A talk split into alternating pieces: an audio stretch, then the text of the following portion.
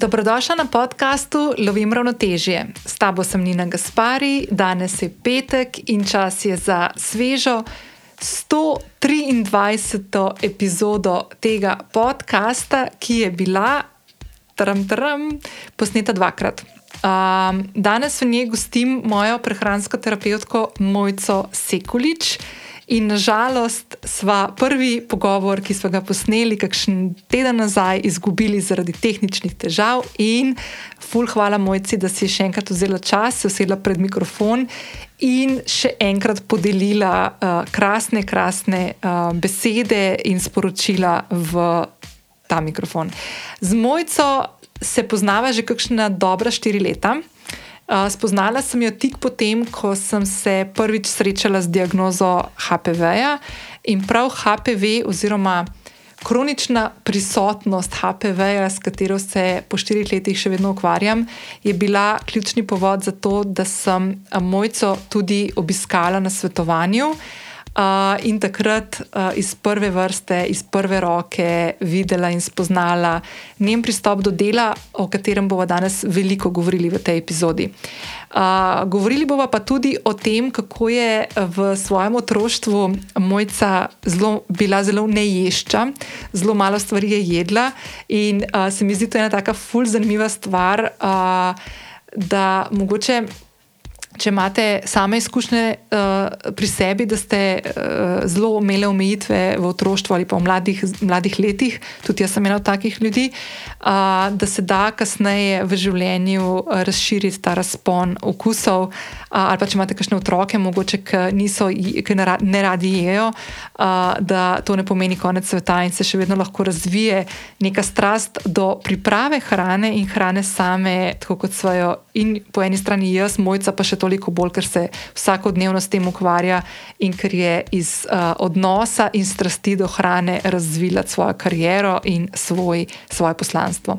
Danes uh, med drugim govoriva tudi o tem, kako je potekalo njeno življenje od uh, študija živilske tehnologije in kasneje prehranske terapije v Londonu, kjer je mojca tudi opravljala klinične prakse in s tem dobila tak širok, uh, holističen pristop uh, k temu, kar danes pravi, da je njena življenjska strast in to je raziskovanje uh, funkcionalnih živil oziroma vpliva prehrane na naše življenje.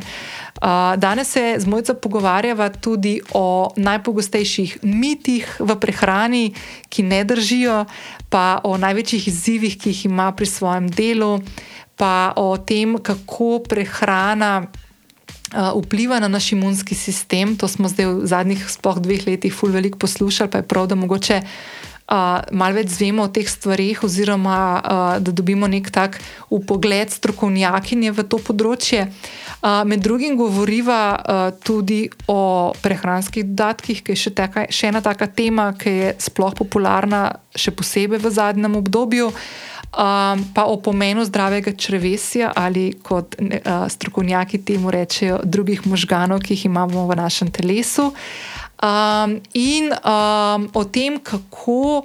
Uh, pri njej zgleda svetovanje za vse tiste, ki vsakeč, ko sem mojco omenila na Instagramu, predvsem pa v našem podkastu, prej že, uh, ste me kar mal zasule z vprašanji, Um, in sem vam poslala njene kontakte, in te kontakte boste danes našli tudi v zapisu epizode, povezava vas že čaka spodaj. Uh, Mojca bo tudi povedala, kaj danes predstavlja hrana. Uh, in ravno iz tega odnosa do, do hrane, ki ga ima danes, poskuša te stvari prenesti tudi na ljudi, ki pridejo k njej na svetovanje.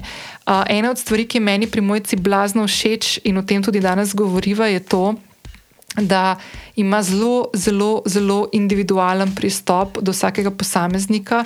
Zavedati se namreč se moramo, no, da smo fulsi različni. Vsak od nas ima ne samo, da imamo zdravstvene izzive drugačne, uh, predvsem imamo tudi življenjske stile različne.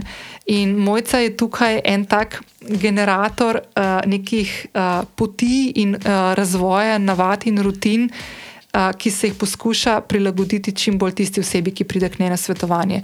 To je tudi eden od razlogov, zakaj sem se na koncu odločila, da ne bom dala možnosti, da pošiljate vprašanja naprej. uh, ki bi jih potem postavila v času najnega pogovora mojci. Uh, zato, ker se mi ne zdi korektno, da, um, da bi mogoče mojca odgovarjala uh, kakšni osebi, ki je še ni videla. Uh, tako da, če te ta stvar zanima, če bi mojca rada obiskala, uh, ji piši, kontakt se skriva v zapisu epizode. Zdaj pa, preden skočiva v pogovor z mojco, te vabim, da če še nisi prijavljena na podcast Ljubim ravnotežje, to lahko storiš zdaj prek aplikacije, na kateri trenutno poslušaš to epizodo. Vesela sem tudi ocen in mnen, ki mi jih pustiš na podcast aplikaciji ali pa se mi oglasiš na zasebno sporočilo na Instagramu, tam ti bom najhitreje odgovorila.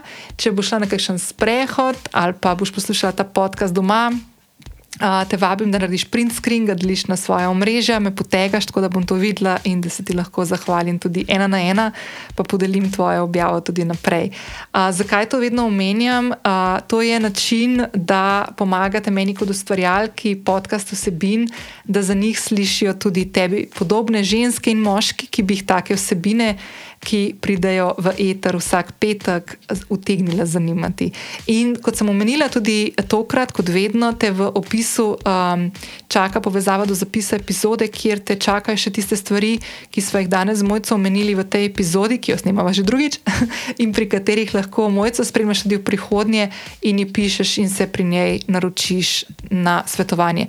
Čisto ob koncu, po najnem pogovoru z mojco, bom jaz vključila uh, še en del uh, moje izkušnje, ki sem imela pri mojci. Tako da, če te zanima, uh, ostani z mano do konca in bom na koncu še enkrat obnovila uh, celotno. Celoten potek, uh, kako sem jaz pri mojci šla na svetovanje, in kasneje tudi še na eno zadevo, ki jo danes v epizodi nismo omenili, uh, pa bi utegnila mogoče zanimati še koga uh, in informacije, ki sem jih dobila iz tistih dveh delov uh, naknadno, še ko sem bila pri njej na svetovanju. Tako da, evo, to je to. Uh, jaz predlagam, da se posvetimo pogovoru z mojco in se slišimo, ko se od mojce že drugič poslovim.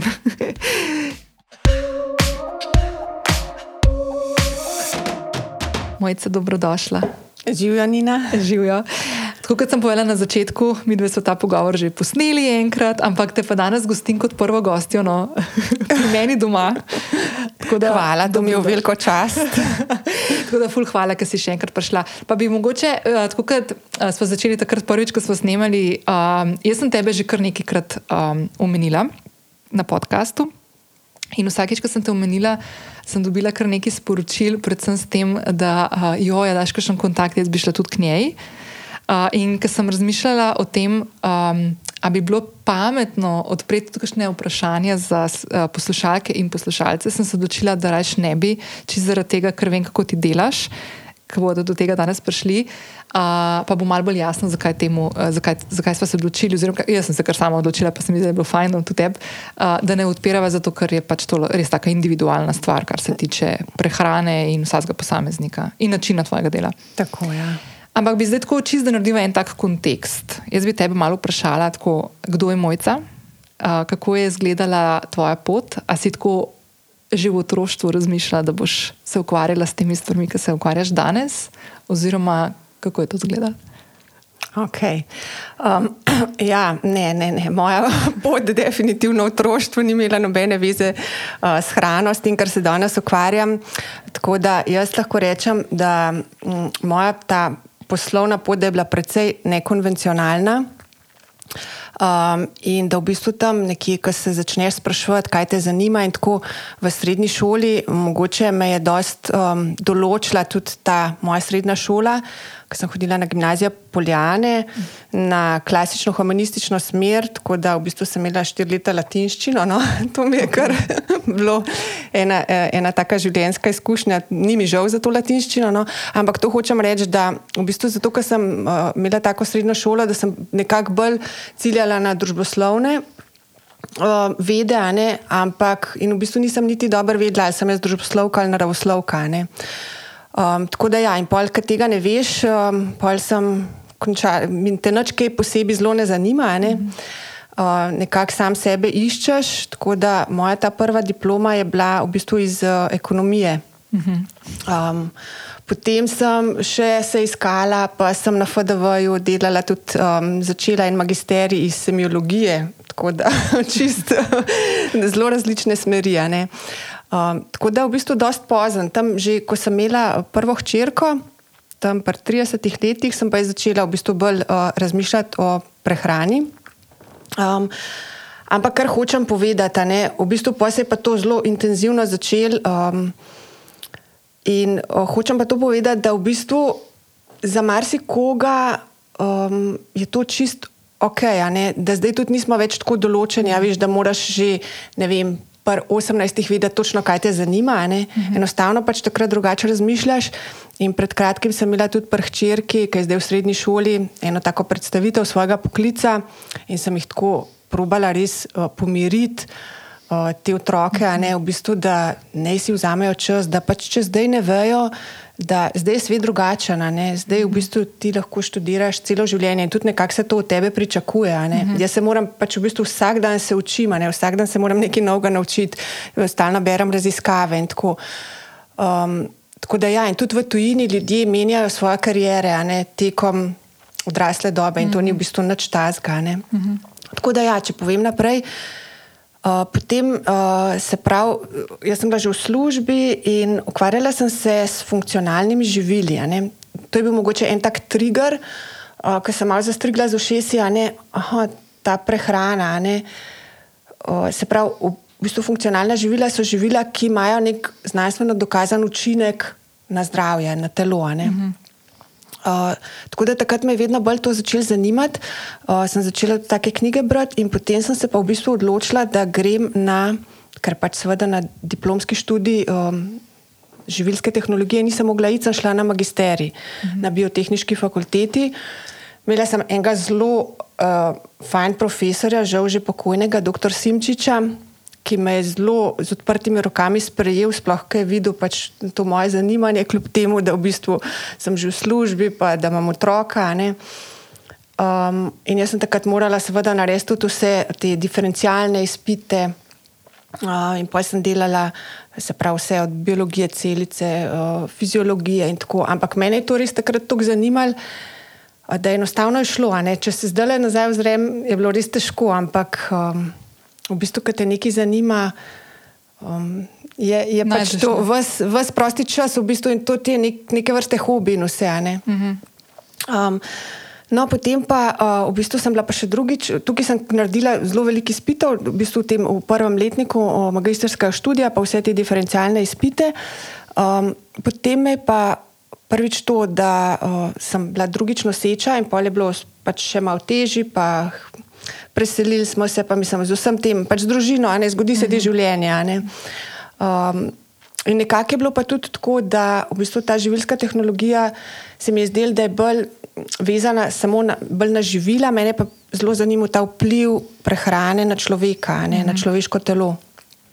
Tako da potem sem v bistvu dost kmal, sem pa našla uh, študij, uh, specialistični študij uh, prehranske terapije v Londonu. Uh, to je bil v bistvu online študij, ampak to je tako triletni študij, plus da seveda moraš imeti neko osnovo ali pa moraš isto delati uh, diferencialne izpite. Um, in tukaj se je pa potem tudi meni odprlo čist neko novo obzorje. Ne? Um, tako da na koncu smo imeli tudi uh, klinično prakso. Um, ta študij temelji v bistvu. Um, Dela se po, mislim, prehranska terapija se dela po smernicah um, tako imenovane funkcionalne medicine. Uh mhm. -huh. Funkcionalna medicina je ena taka, rečem, holistična o, vrsta medicine, ki jo prakticirajo zdravniki, prakticira se predvsem v Ameriki, um, ampak vsi so pač zdravniki, imajo um, to izobrazbo, potem pa pač se po teh smernicah in bistvo je to, da se gleda človeka kot celoto. Um, uh -huh. Jaz tudi vidim pri svojih klientih, se pravi, pridejo z neko osnovno težavo, ampak um, vedno se pač tudi neki drugi um, simptomi zelo verjetno začnejo razreševati še prej pred tisto osnovno težavo. Uh -huh. In pač telo je povezan sistem. Uh -huh. um, tako da ja, drugače pa v bistvu ta prehranska terapija ki jo zdaj izvajam, je podporna terapija. Ne? Podporna mhm. terapija se pravi vsakakršnemu um, medicinskemu zdravljenju in prehrana je pač vedno podpora. No? Mhm. Um, tako da, ja, no, potem, ko sem jaz to končala, um, v bistvu smo potem s Katjo odprli leta 2016 ta center za prehransko terapijo. Um, potem me pa v bistvu tudi še zanimalo, ker malo sem imela tudi s tem, da pač tega magisterija uh, tukaj nisem končala. Um, seveda je mhm. prišel ta bolonski študij in tega nisem mogla um, nadaljevati na ta način, uh, oziroma bi bilo najbolj zelo kompliciran. So pa oni že takrat meni rekli, da grem lahko na doktorski študij. Um, in potem sem se želela upisati na doktorski študij in sem tudi naredila en večji ta doktorski, mislim, ko so tudi izpiti. Uh -huh. ja, um, sem en izpit že naredila in to je bilo leta 2019, uh, jeseni. Um, in pa sem se tudi menila z um, enim zdravnikom, uh, doktorjem, um, profesorjem na reumatologiji, ki so pa planirali uh, prehransko intervencijo na reumatoloških bolnikih. Uh -huh. Jaz sem pa tudi imela že par primerov um, z ljudmi s takimi podobnimi težavami. Tako da smo se takrat menili, da bi pač to študijo zapeljali. No, pa se je pa pač korona zgodila. še, še ena žrtev korone. ja. Ej, a veš, kaj mi je tako zdaj, ko se pogovarjava? Um, tako, ene par takih stvari, ki mi tako skočijo. Uh, ven, to si omenila to holistično, oziroma to neko celostno obravnavo vsakega človeka, ki pride k tebi. Ne. Se mi zdi, da to je naprimer, ena taka stvar, imam jaz občutek, da mi tako malo ne poznamo, um, ko se srečujemo z nekimi uh, specialisti v klasični medicini. Ne? Pa ful mi je všeč to, da si tudi poudarila, kar tudi jaz nekako tako razmišljam. Jaz tudi imam visoko stopnjo zaupanja v stroko, v medicinsko stroko in tudi absolutno si ne predstavljam, naprimer, da bi ta del preskočila in šla mm -hmm. na kakšne druge stvari in mi je to ful všeč, no, da si povedala da, misliš, da tudi tako razmišljaš. Ampak ena stvar, ki je verjetno tudi razlog, zakaj sem jaz takrat k tebi prišla, ne? pa bo malo kasneje to se dotaknili tega, te, te, te debate in te teme, je v bistvu to. Pomankanje nekih teh odgovorov, um, ko se pogovarjaš z specialisti, ki so strokovnjaki na nekih svojih področjih, in zelo težko. Včasih imam jaz, ko sem imel občutek, veš, da sem kaj na ping-pong žogca, ki gremo mes, pa v bistvu pol prenašam neke informacije, oziroma v bistvu pol informacije, ki jih niti, niti dobro ne razumem sama, od enega do drugega in se vmes kakšna stvar tudi lahko zgubi. Ne?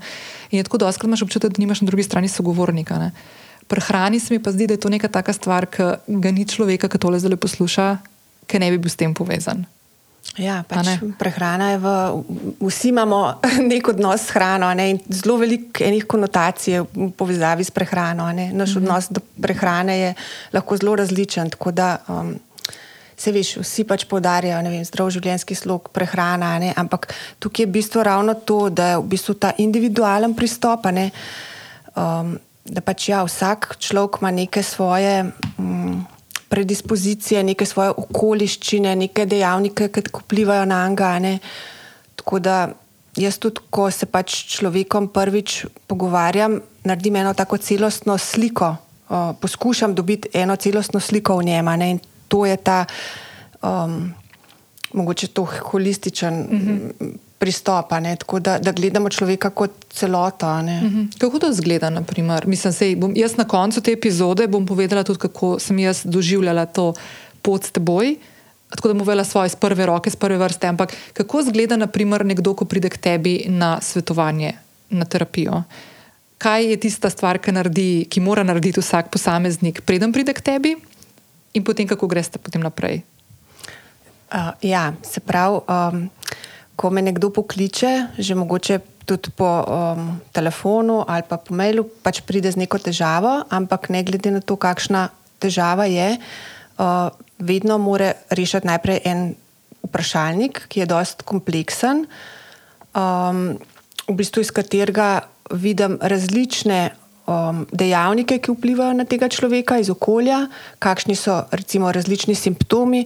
Veš, eni ljudje sploh um, sem neke stvari že tako um, del njihovega življenja ali pa del njihovih samih sebe, da niti ne razmišljajo, da je mogoče to s tem karkoli narobe. Uh -huh, uh -huh. um, sploh mogoče, kar se prebave tiče, se je logično, da se, se ne more vsak skozi sam sabo ukvarjati, ne pa razmišljati. Pač, um, jaz sem na to bolj pozorna in zato tudi ljudi na to opozarjam, ampak. Um, mogoče ljudje niti tega ne jemljajo za nek simptom, ne? ampak da nekdo recimo je zaprt, pa hod na blato, ne vem, um, samo dvakrat, trikrat na teden, ne? mm -hmm. to v bistvu je pač.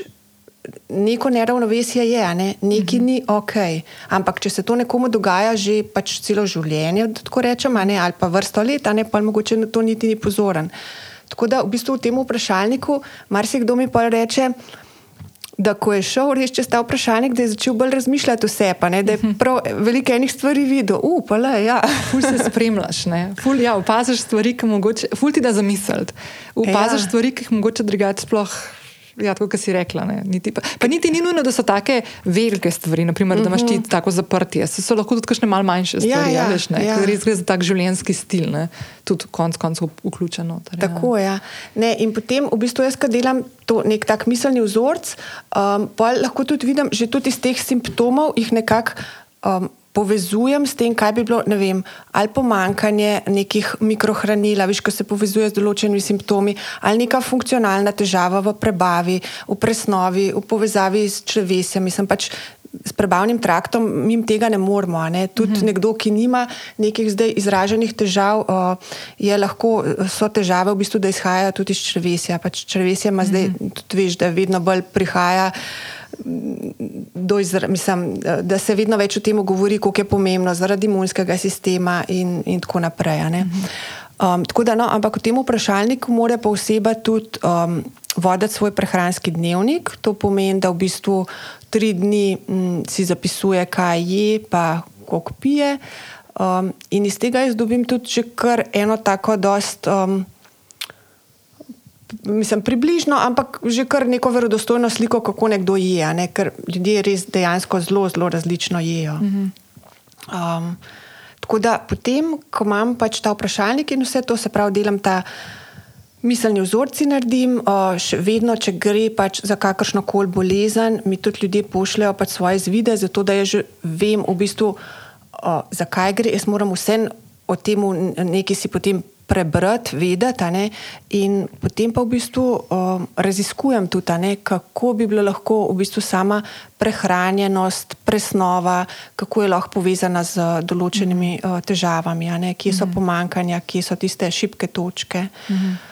Um, šele potem v bistvu se um, s klientom ali pa s klientko se dobim.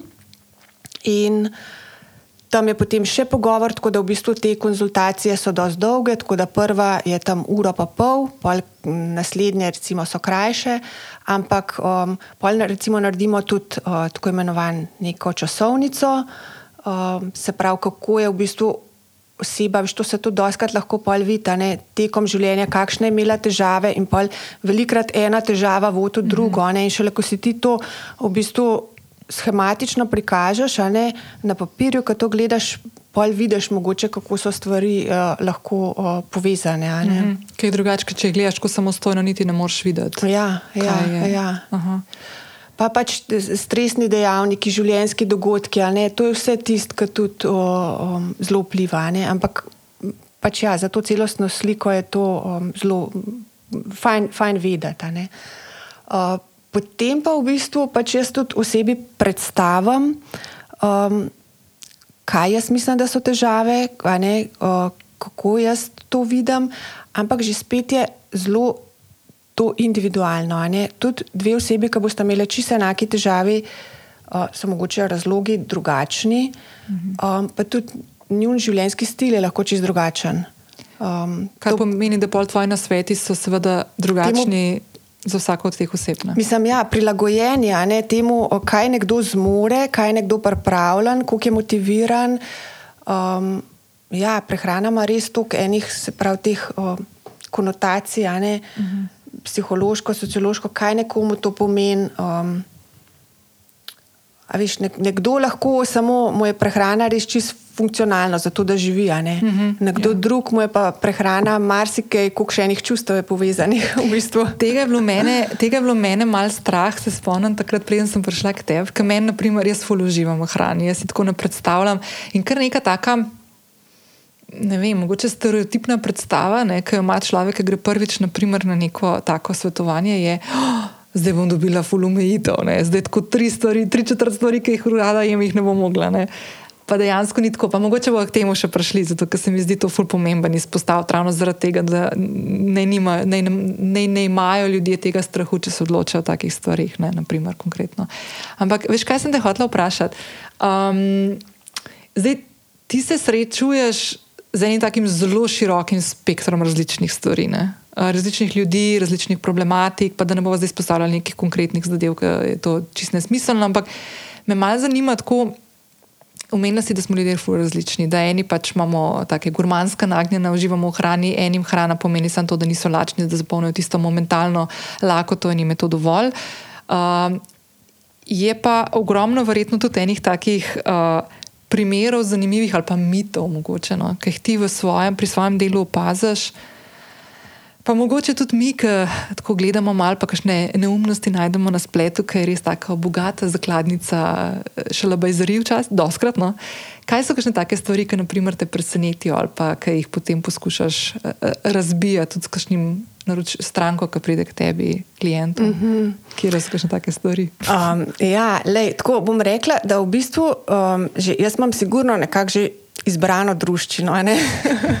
se pravi, da ljudje, ki pridejo k meni, imajo že nek pravi, namen, da bodo mm -hmm. naredili neke spremembe, in zato uh, velikrat, v bistvu, bom rekla, tudi so že zelo dobro podučeni. Čeprav je pa res točno to, kar si rekla. Um, Informacija je zdaj obilica, in v bistvu večji problem je to najti res pravo informacijo, ki je zate korektna. Um, eni taki, tako da se pravi, večinoma res so ljudje že kar zelo izobraženi, ampak recimo, kar še vedno vidim, m, konkretno, da nekdo hoče shujšati. Ne? Uh -huh. uh, in mislijo, da zdaj mora biti pa res zelo lačni in um, uh -huh. edini na ta način, da bodo shujšali. Pa v bistvu to za dolgi rok itak ni dobro. Seveda mora biti neka kalorična restrikcija in sploh na začetku, ko se ti mogoče želodec skrči. Ampak eh, doskrat so take uh, diete lahko zelo neuspešne, pa še telo je vse čas v nekem tistem. Survival modu uh -huh. in pol je v bistvu to samo kontraproduktivno. Tako da, recimo, z, za hujšanje je meni zelo pomembno, da potem, ko se vzpostavi neka ta prehrana, da človek ni lačen. V bistvu, da ne sme biti uh, lačen um, in da je pomembna je pač struktura obroka, ne? kako uh -huh. je strukturiran obrok, ker ni vsaka kalorija enaka kalorija. Čisto odvisno je, kako ti strukturiraš obrok in kaj bo ta obrok naredil.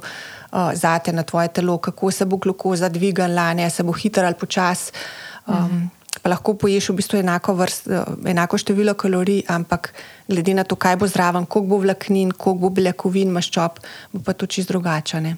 Tako da to je mogoče en tak uh, mit. Um, pa včasih še vedno vidim, da ljudje ne ločijo med um, ne vem, dobre in slabe maščobe.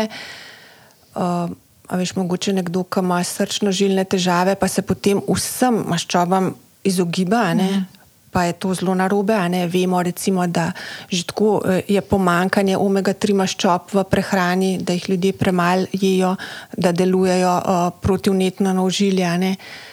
Uh, potem tudi druge dobre rastlinske maščobe ne, so recimo, um, zelo dobrodejne za, za take težave, ne, pa se mogoče jih nekdo uh, boji, pa je meče vse v isti koš. Uh -huh. um, potem nasplošno vidim, da ljudje mm, pojejo premalo beljakovin. Uh -huh.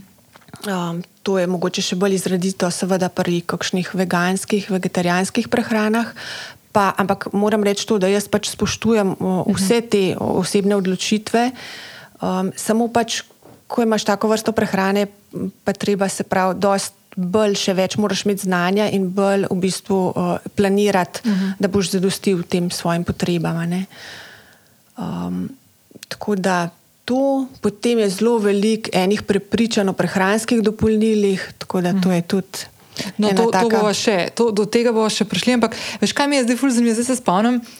Um, mi dve smo se spoznali v času, ko sem bila jaz uh, ene pol leta v veganski prehrani. To se prav spomnim.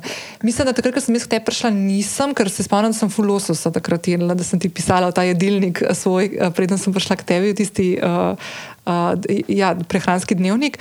Um, In mi je bilo fully všeč to, da si že takrat tudi, ja, uh, si, mislim, da ni, da ni to zdaj point, da je neka, neka stvar avtomatično slaba. Je pa res, kar sem jaz opazila, takrat, ko sem bila v tej uh, rastlinski prehrani, točno to, kar si ti rekla. Ne. Jaz se v življenju nisem toliko s hrano, ki jo doma pripravljam, ukvarjala takrat, pa še vedno se mi zdi, da sem se premal. Pa druga stvar je, da sem mogla res fulno načrtovati. Uh, takrat mislim, da sem se jaz iz tistega obdobja, ena dobra stvar, ki sem se jo naučila je bila to, da sem razmišljala, kako v vsak obrok poskušati vključiti tiste vse ključne stvari in maščobe, ugljikove hidrate, vlaknine, uh mhm. -huh. beljakovine.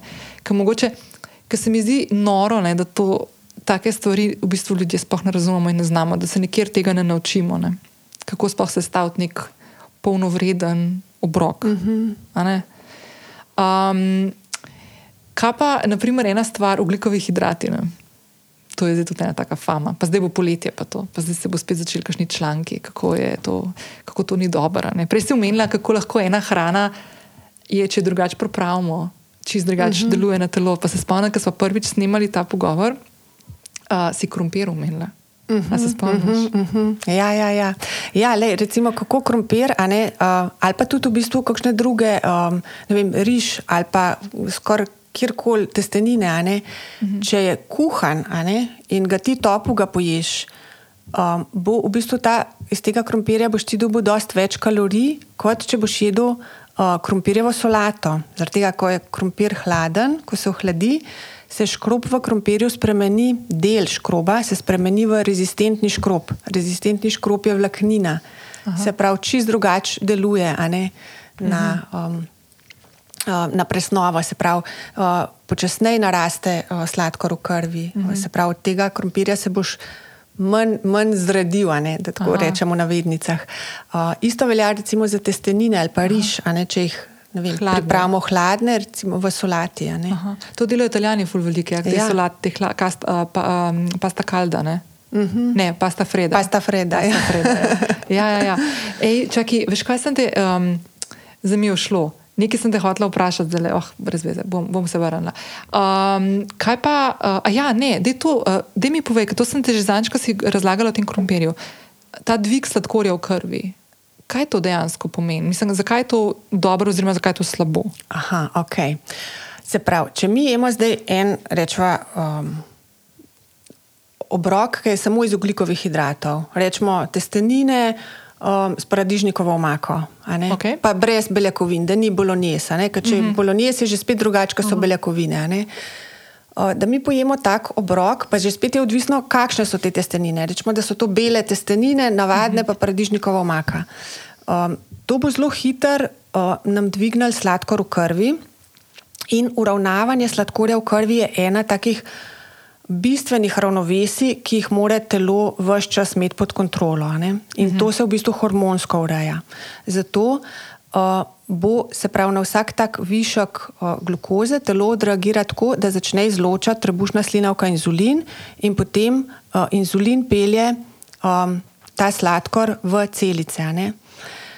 Vsi uh, viški sladkorja, se pravi, če, če prihaja večkrat, ne, večkrat tekom dneva, pa dlje časa, um, se pravi, da so obroki sestavljeni samo iz oglikovih hidratov ali pa sploh recimo nekih sladkarij, ne, ne vem, torta, ne, da mhm. zdaj mogoče ta paradižnikov omaka, tukaj je tudi lahko kar neki vlaknin, vse, tudi če so bele testenine. Um, ampak recimo torta in taki obroki bodo pa večkrat na dan, se pravi, bistveno preveč dvignili sladkor v krvi in potem more, zato tudi sladkor pol zelo hitro lahko tudi pade in prihaja do tega nihanja sladkorja, kar se zgodi, da vsi ti viški sladkorja se, se v jetrih uh, presnovijo v maščobe. Uh -huh. uh, in potem imamo tudi pač, uh, povišene trigliceride v krvi, ne uh -huh. povišene maščobe v krvi, ki so v večini primerov pač posledica v bistvu take nepravilne um, hrane. Uh -huh. Zdaj, če pa mi damo, se pravi, temu obroku, um, rečemo, testeninam, da so to neke polnovredne testenine. Da zraven pojemo še eno veliko skledo solate, da je tega, recimo, testenin, jaz ko rečem svojim klientom, da je polovica naj bo testenin, polovica naj bo pa umake. Naj bo te umake res velika. Uh -huh. Recimo, naredite si umako, kjer je tudi um, še več druge zelenjave. Dajte si v paradižnikovo umako, ne vem, še bučke, por, nekaj. Uh -huh. ne? In da je pol v bistvu, a veš, da je te umake veliko, pa zraven še solata, se pravi, ta obrok bo čist drugač deloval uh -huh. na našo presnovo, se pravi, glukoza v krvi bo počasneje naraščala um, telo je bo lahko porabilo za energijo dlje časa, ne uh -huh. bomo to klačni in um, uh -huh. ne bo teh um, nepotrebnih skladiščen, uh, v bistvu uh -huh. presnavljanja glukoze v, v uh -huh. maščobe. A je možno pa tudi telo, da je v bistvu utrujeno, ker mora skozi to še bolj nadzorovati? Verjetno lahko zgubimo tukaj še energijo, ki je lahko drugače porabljena za kakšne druge stvari. Ja, pa tudi, veš kaj, in potem se pravi, ko pa jemo mi dolg časa tako, ne, se pravi s temi um, takimi, da so skozi nihanja uh, glukoze prevelika, ne zaradi preveč ugljikovih hidratov, pa pa pride do tako imenovane inzulinske rezistence. A si to že slišal? To sem slišal, ampak ne vem, če je dobro, kaj pomeni. Ja, to je pa v bistvu se zgodi to, da so pa. Um, na celicah imamo receptorje kot neka vrata, ne, um, ki pač sprejemajo glukozo, ker glukoza nam daje energijo, ne, mi jo mhm. moramo imeti v celicah, da se lahko tam proizvaja energija iz nje. Um, se pa ti receptori okvarijo in inzulin je kot nek ključ, ki odpira ta vrata.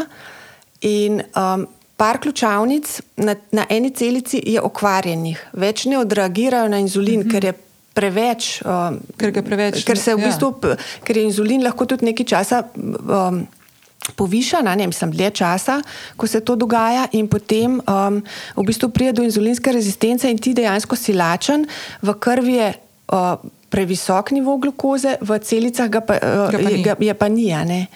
In potem je v bistvu, in to je zelo velikrat pol, uh, taka zadeva skozi leta, pol vodi do diabetesa tipa 2.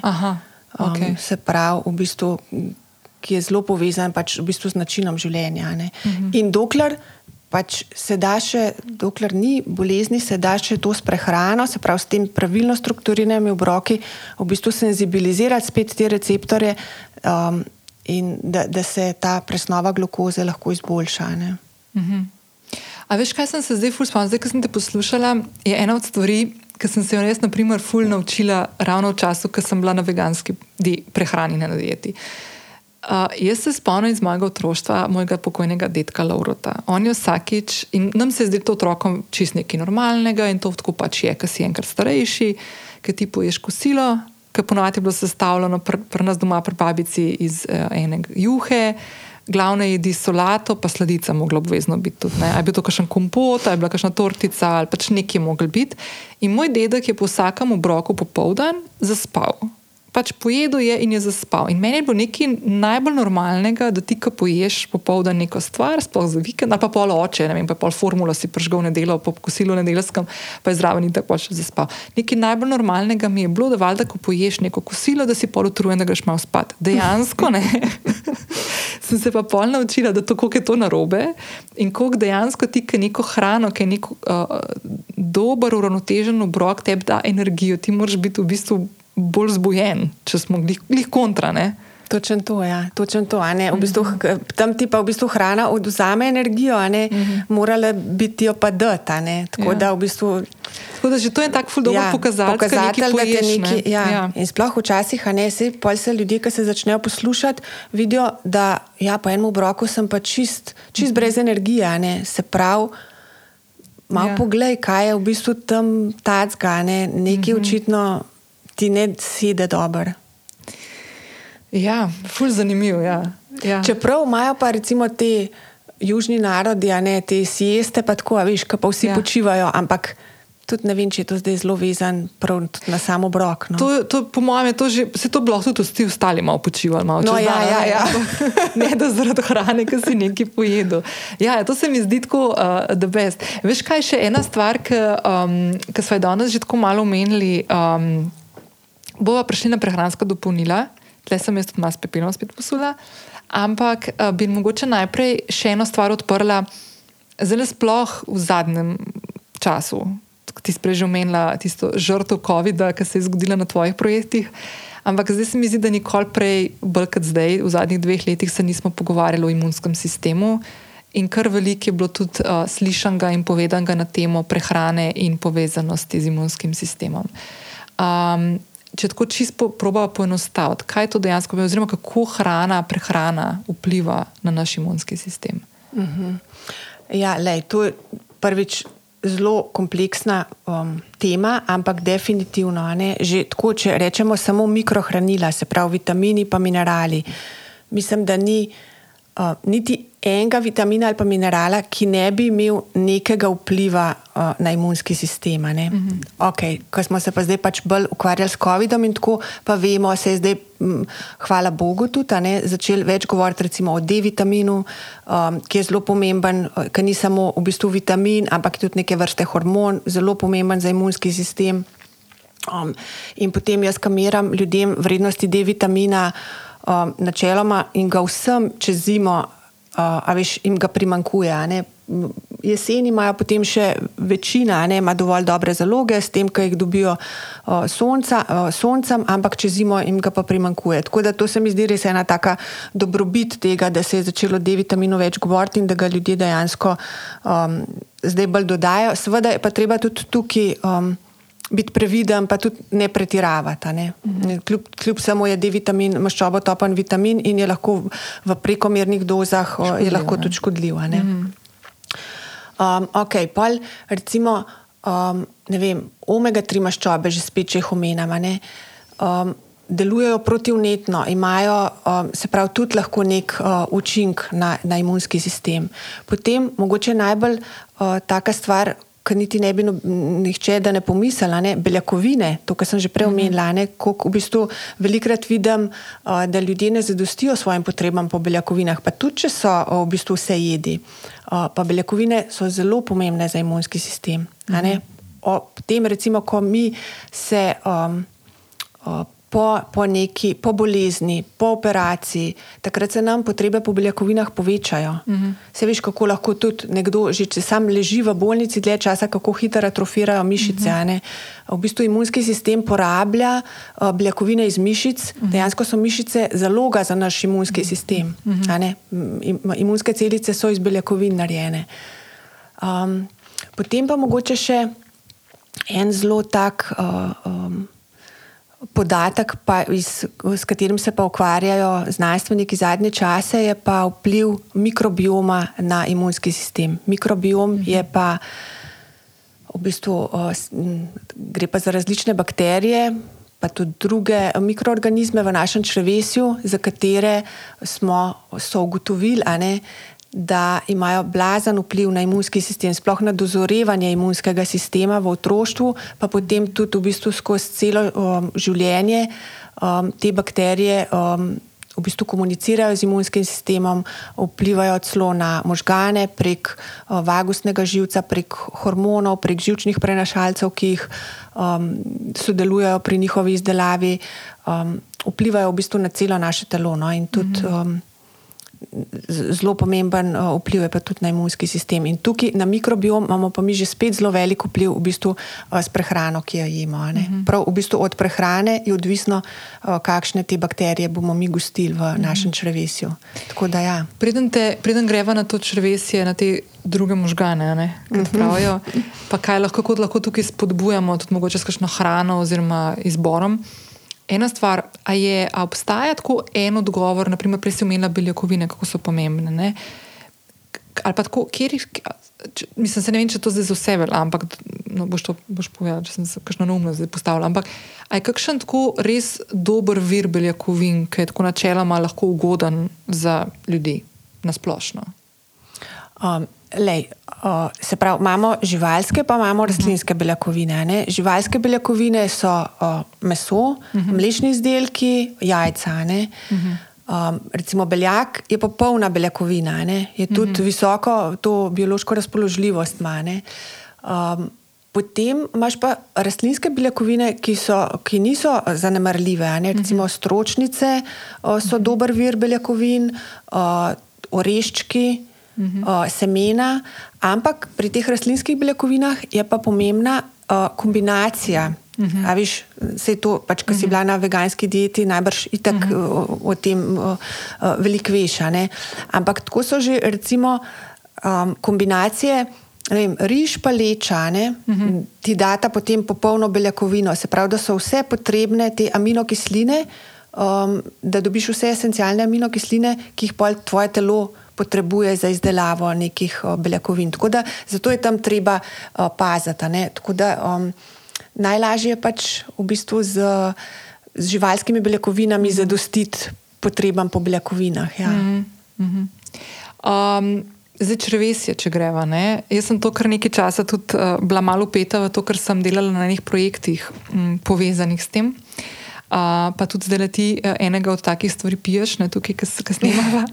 Ampak, uh, da je mogoče, uh, preden greva na to, kera taka hrana ali pijača je tu dobra za spodbujanje delovanja črvesja in tega razvoja dobrih bakterij.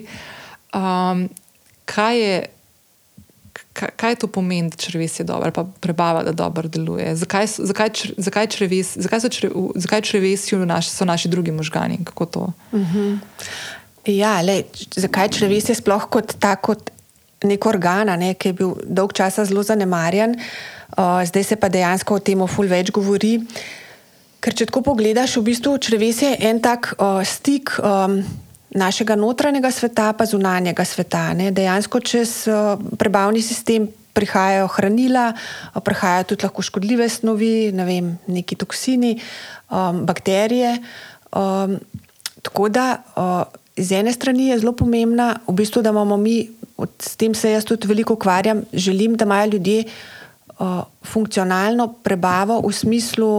Um, vsaka neka prebavna težava kaže lahko ali na težave v absorpciji hranil, ali v sami presnovi, ali um, za različne težave gre lahko.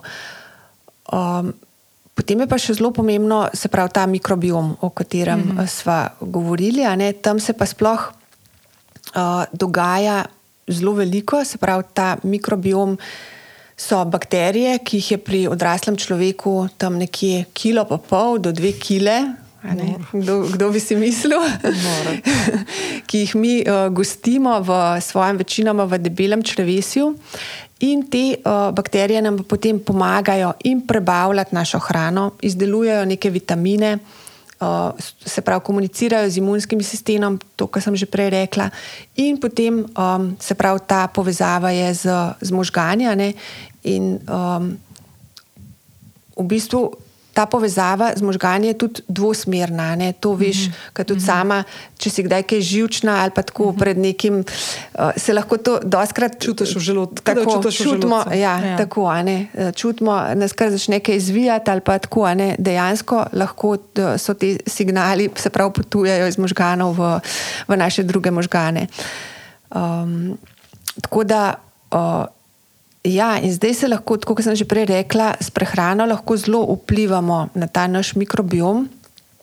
Predvsem so um, znanstveniki ugotovili, da uh, zelo pomembna je rastlinska prehrana, bogata z vlakninami. Uh mhm. -huh. Dobre bakterije se hranijo predvsem z vlakninami.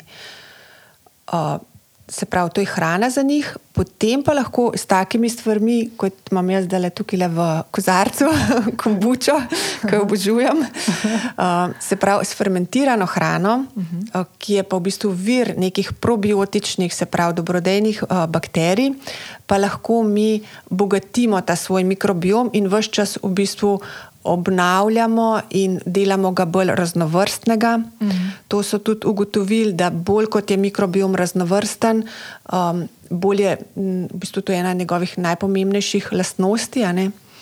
In dejansko tudi v preteklosti so m, ljudje skozi bili v stiku s tako prehrano, čist iz um, nuje. Mm -hmm ker so s fermentirano hrano dejansko bila to oblika konzerviranja hrane, uh mhm. -huh. da so lahko imeli zelenjavo recimo čez eh, zimo ali pa tudi sadje. Tako da um, so si s tem poživljali to svoje, uh -huh. ta svoj mikrobiom. Uh, Zdaj, ko je pa v bistvu ta o, industrijska, ne, dost, v bistvu dostkrat tudi sterilna skoraj hrana, ne, uh -huh. um, pa, pa enolična v smislu, um, da ni raznolikosti, kar se tiče vlaknin, ker jemo zelo velikrat, če tako pogledaš, ne, uh, ljudje jedo od jutra do večera pšenico, ne? zjutraj ješ nek kruh, pa pa še nek rogličak, mogoče piškote, testenine in je v bistvu. Um, Treba je pa jesti raznoliko, ne se pravi tudi pri žitih, ne samo pšenico, ampak tudi ne vem, ješpram, proso, ajdo, uh, semena. a ne. In um, to je, to je pol tisto, kar um, nas dela uh, v bistvu tudi zelo odporne. a ne. Mislim, kar, kar je. In tle, da je rekla ta povezava vpliva prehrane, prehrane na naše zdravje. Ne? Tako, ja, ja, ja, to je- Mogoče, mogoče ena stvar, mojca, čistko ta fermentirana hrana, ne, da to ni nek tak bau-bau, pa neka eh, trendi stvar in zdaj vsi o tem govorijo, ker je full fancy in moderno, ne, ampak tukaj gre za hrano, ki jo tudi naš, mi poznamo v našem okolju, je kisla repa, kislo zelje. Uh -huh. Tudi konec koncev kombuča, se spomnim, ker sem se prvič s tem uh, s to pijačo srečala, zdaj po mojem, 4-5 let mogoče. Pa se mi je zdelo tako, ko hudiče je to. Ne? A veš, ampak polk se spomnim, ko sem to predstavljala, veš, kaj sem na ful presenečena, da se je zgodilo, da so kakšne babice rekle tako, mm -hmm. a to je una goba. Ne? A veš, ne vem, moja mama naprimer ni poznala, ne? babica pa tako rekla, ja, ja to je una goba, ki vem, kaj je ful neki smrdel. To, ne, a veš pa ta kisu nekaj. Ne? A veš, tako da to je bilo tudi ta kombuča, ki imamo mi občutek, da je prišla ne vem od kje, z Kitajske, kaj se mi skje, da je bila tudi v našem okolju leta nazaj. Kakšno generacijo, dve, mogoče je bila prisotna, so to mm -hmm. ljudje počeli. Ne? Ja, ja, ja. mislim, pa vse imamo mi, a veš, dejansko tudi na tem našem prostoru, kot si rekla, je veliko mm -hmm. enih fermentiranih živil, ki bi jaz rekla, da to so super živila, to so mm -hmm. naša slovenska super živila, le kislo zelje, kisla repa, ne, zelnica, mm -hmm. uh, repnica, um, kefir, mm -hmm. a veš, um, jogurt, a ne. Pa plus to, da si lahko v bistvu taka živila tudi. Um, Sam pripravljaš? Jaz mm -hmm. imam skozi doma, si pač delam dve vrsti kefirja, in vodnega, in mlečnega, uh, in Kombučo kombučo. ne? Ja, in kombučo. Da, ja. In tukaj je pomembno, veš, uh, v bistvu, da je ta. Da je nekako ni treba zdaj tega, da se tega zelo veliko popije, ampak da je v bistvu neka kontinuiteta, ne? da skozi uh -huh. nekako našaš um, ta živila. Ne? Pol, recimo um, olive, če so samo um, v slanici, je v bistvu to tudi fermentirano živilo. res? Ja, Wow. tako da ja, kakšne uh, take. Te vložene, čisto navadne. Ampak te. eh, ja, moraš gledati, da je samo, uh, da je slanica. Ne? Ja, uh -huh. Hudo. Uh -huh. Ampak, veš, jaz se spomnim, ko smo tole kombučo, takrat, ko sem, se, ko sem jaz to malo več brala o teh stvarih, uh, mi je bilo ful zanimivo, naprimer, tudi ena stvar. Ne? Le se, po mojem, s kombučo, naprimer, konkretno, jaz sem, jaz sem skozi, to, skozi to pijačo sebe tudi opazovala. ne. Ker, naprimer, meni sede in jo lahko spijem, naprimer, dve steklenički, ki sta ponula 33 na dan in se bom čisto kaj počutila. Uh -huh. So ljudje, ki lahko spijo par požirkov. In jo, navad, in jo normalno zapreš, in jo naslednji dan na- nadaljuješ, in pol spiješ ne v treh, štirih dneh. Ne? Da to ni za neka taka stvar, ki je za vse enaka in jo naročiš, in jo lahko spiješ takoj. Pa. Točno to, Spet ja. gre za poslušanje. Ne? Točno to, ne. sploh pri ljudeh, to si ful dobro opazila. ne. Dejansko ljudje, ki imajo pač težave v bistvu uh, z nekim neravnovesjem tega mikrobioma. Bo imela um, reakcijo Zelo ne. velikrat ne, uh, se morajo zelo postopoma navaditi. Mm -hmm. In jim je lahko to čist preveč, in morajo začeti res tako z žličkami, ne z mehko mm -hmm. žličko. a ne. Mm -hmm. Pol gre lahko, a veš, tudi ne vem, za simptom razdraženega črevesja, m, kjer je tudi je treba najprej neke druge mogoče vzroke rešiti, ne preden lahko. ne. Tako da ni čist za vsakega vse, zato je pa točno to v bistvu, da je individualno. a ne. Je pa verjetno, to, mislim, če to drži, no, ampak se meni zdi, takrat, ko smo se tako pogovarjali, da če imaš ti dejansko težavo, da, da, da ti te, telesu ne odgovarja, naprimer fermentirana hrana, je nam ponavadi to razlog, zakaj bi bilo dobro za te, da fermentirano hrano ješ, ne? postopoma. Ne, Postopoma, sprejme, ja, ne. točno ne, tako. Ne, ja, ne ja, nažirati, da, če ti ne paše, ne, sigurno je neka težava v črevesju. ne. Mhm. Zelo verjetno. Prej si omenila to povezavo, to dvosmerno komunikacijo možgani, eh, črevesje v to smer, kako včasih, ko smo živčni, ne, nam to uh -huh. lahko tudi v tem predelu trebuha ne, čutimo neke te eh, tes, tes, občutek utesnjenosti. Uh -huh. Je pa tudi kontra. Ne. Jaz se spomnim, ko smo naprimer, enkrat uh, veliko kombuče spili, ne, da sem tako imela občutek. skoraj da je bila mal, ne, ne pijana, ne, ampak tako, ja, malo taka, tako vesela. To pa tudi zato, a veš, ker v kombuči je tudi neka mehna količina alkohola. Ja, ampak je res mehna. ja, samo mogoče če. Mislim, da sem videl, da, da dejansko so te bakterije tako res poskočne. Ja, ja, ja, no, ti ja. dajo tudi občutek. Ne? Ja, ja. Mislim, bakterije znajo marsikaj. Ne? Mm -hmm. Tudi eh, ne bi bilo to, da mi, veš, včasih, ko imaš neko to ful potrebo vem, po nekem sladkem ali pa to, da dejansko to ni tvoja želja, ampak da tudi bakterije, ki želijo hrano, da ti pol mm -hmm. to sporočajo, določena vrsta, ne, ki se s tem hrani. Da, da, ja, ja. To je ful dobro. Ej, danes si, um, danes si ene parkrat um, omenila um, to raznovrstnost. Ne? In to je naprimer, ena od stvari, ki vam jaz z njo fuliziv. Meni se itak zdi, da jaz tako drugače, čisto kaj jema. Uh, po mojem, tudi ko se zdaj z mojim uh, partnerjem pogovarjava, je tako, uh, smo ugotavljali, da. Da v bistvu kar velik teh bioloških odpadkov proizvedeva vsak na svoji strani, kar se mi zdi, da je to lep tak pokazatelj tega, da, da ne jeva toliko teh predelane hrane. Uh -huh. Mogoče čisto, preden grem naprej, predelana hrana, kar rečejo, to si preomenila, naprimer, da, velik te, da je veliko tega, pa te sterilizirane hrane. Uh -huh, uh -huh. Kaj to pomeni, predelana hrana? Kera hrana, v, v, ko greš v trgovino, je tista, ki sodi v ta razred? A veš, pač vsa zapakirana hrana v končni fazi. Ja, Mislim, ja. Čeprav ene stvari so, dost, so manj predelane, ne, uh -huh. kot druge, ampak um, vse načeloma... stvari, ki greš, tega načeloma pri nas v trgovinah se je. Ampak, če primerjam, naprimer, ker sem živela v Angliji, ki je to cela trgovina sam tega, uh -huh, uh -huh. je pa tega bistveno manj, ja, ampak ja, še ja. vedno. Ne? Ampak že tako, veš, jaz, ko gremo v trgovino, pa se mi tako zdi, ne, ta, um, ne vem, če jaz gledam, kaj, pa, ali pa če ko učim svoje klijente, ne, kaj bi mogel biti večji del prehrane. Ne, in zelenjava bi, res, bi morala biti zastopana. A veš, v vseh obrokih, če se le da, mhm. ne, okay, mogoče včasih ne ob zajtrku, ampak kosilo večera bi morala biti zelenjava. In pol, če ti gledaš eno živilsko trgovino, kakšen je delež zelenjave v tej -hmm. trgovini, ni odraz tega, kar bi dejansko moral mm -hmm. biti pa v naših hladilnikih, pa na krožnikih. Mm -hmm. mm -hmm. ja. No, druga stvar je pa ta raznolikost. Ker jaz, naprimer, ko sem k tebi prišla, se spomnim, da si, kar mi je bilo fulu všeč. No, da imam mogoče tako za začetek. Jaz sem k tebi prišla, ker sem začela pri sebi opažati dve stvari takrat. Ena je bila, eh, da mislim, da sem takrat imela kakšno leto diagnozo HPV-ja, ki nažalost imam tri leta kasneje še vedno, se pravi, imam neko kronično obliko HPV okužbe. Druga stvar, ki je bila, sem imela še nekaj vnetje dlesni. In meni se je zdelo tako to mora biti povezano, ker se mi je praktično sočasno to dogajalo. In to bi meni povod, da sem končno prišla tudi do tebe, čeprav smo se o tem, po mojem, že kakšno let predtem pogovarjali. Ne? In kaj je bilo meni fully všeč, pa bom to čisto ob koncu, po najnem pogovoru, tudi povedala, da ne bom zdaj po se podvajala.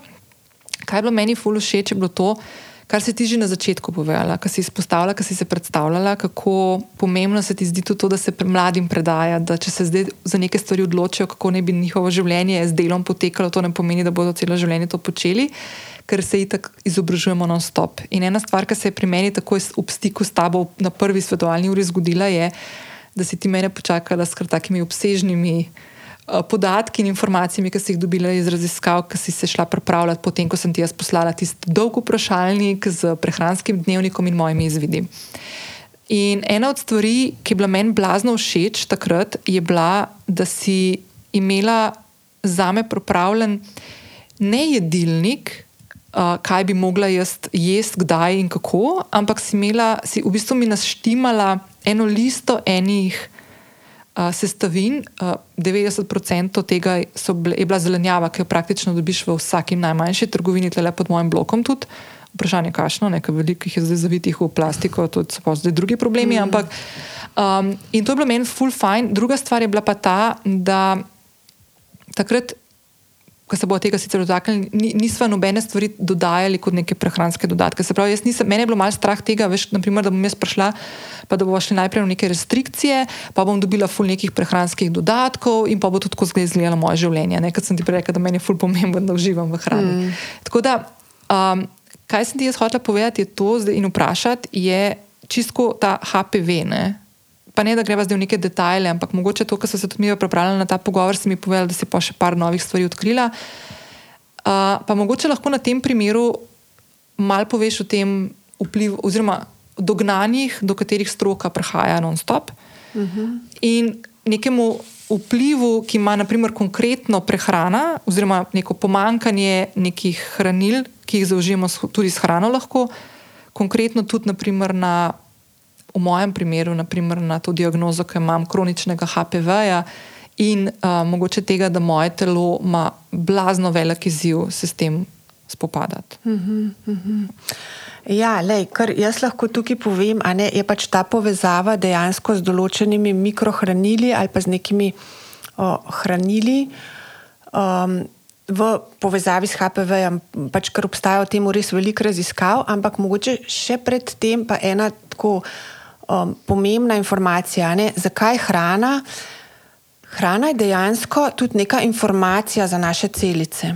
Mhm. Veš, to je uh, dejansko določena hranila, lahko vplivajo na to, um, komunicirajo z našim genetskim zapisom. U, določena mhm. hranila bodo vplivala na to, da se bo en gen izrazil ali pa se ne bo izrazil. Ne? In to se dogaja v bistvu vse čas. Mhm. In zato so sploh ta fitohranila, se pravi rastlinska hranila, različni antioksidanti, lahko uspodbudijo um, na celičnem nivoju izražanje cele neke um, kopice različnih genov, ki so povezani z nekimi zaščitnimi mehanizmi, se pravi z nekimi um, uh, no, uh, antioksidanti, ki nastajajo v telesu, veš, z nekimi zaščitnimi protivnetnimi molekulami, ki se bodo ustvarjale. Ne?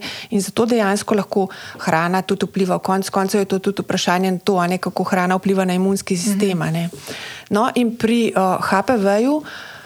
Uh, pač študije kažejo, recimo, uh, kako se lahko, uh, ne da zdaj govorimo tukaj o zdravljenju, ne, ampak pač o neki podpori, kako se recimo lahko zmanjša tveganje um, za poslabšanje brisov. Recimo, in so ugotovili, da više vrednosti določenih vitaminov, sploh za um, folno kislino oziroma folat in pa B12, da ženske, ki uh, imajo uh, se pravi više vrednosti. Um, da, uh, so, da, da se jim potem tudi zmanjša tveganje um, za te trajne okužbe s HPV-jem. Uh -huh. Tako da je treba potem pa to tudi spremljati.